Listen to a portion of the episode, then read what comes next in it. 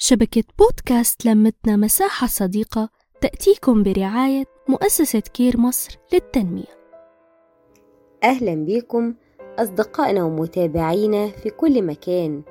أصدقاء بودكاست الحكاية التابع لشبكة بودكاست لمتنا مساحة صديقة.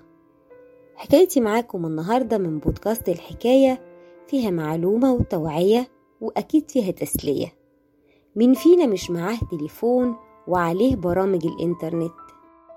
وطبعا الكل بيشتغل على الكمبيوتر وبيخلص عليه مصالحه. طبعا دي بقت لغة العصر وكل الناس بتتعامل كده. بس المشكلة لما بيحصل تسريب لمعلومة أو حاجة تهمنا.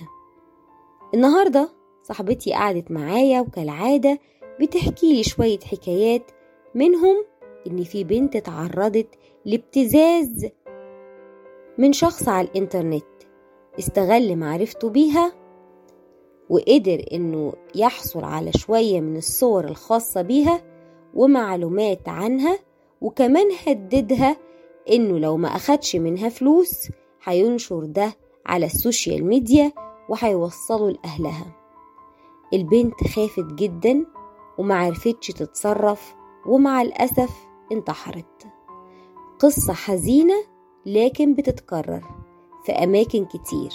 زعلت قوي إن البنت معرفتش تتصرف وما قدرتش إن هي تتكلم مع حد.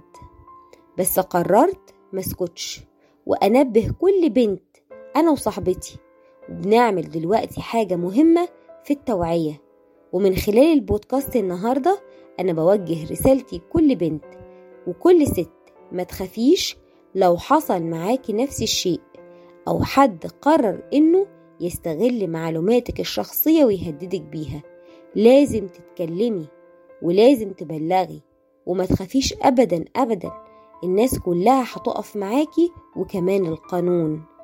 ومن هنا أحب أقول بقى إن يوم 17 مايو هو يوم العالمي للاتصالات ومجتمع المعلوماتية وده بيتم الاحتفال بيه لزيادة الوعي بالإمكانيات اللي ممكن يجلبها استخدام الإنترنت والتقنيات المعلومات للمجتمع والاقتصاد اللي ممكن تساعدنا في سد الفجوة الرقمية والأمن المعلوماتية للحفاظ على أمن وسلامة أي مستخدم للإنترنت ومنهم النساء اللائي يتعرضن للتنمر والتحرش والتهديد الإلكتروني.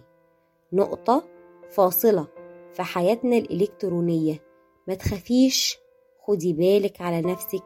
ما تحزنيش لازم تتكلمي. وإحنا دايما معاكم بالمعلومة والتوعية والتسلية من بودكاست شبكة لمتنا مساحة صديقة وبودكاست الحكاية. بنتمنى ليكم دايما دوام الأمن والأمان والسلام وليكم مني دايما كل الحب. صفاء فوزي.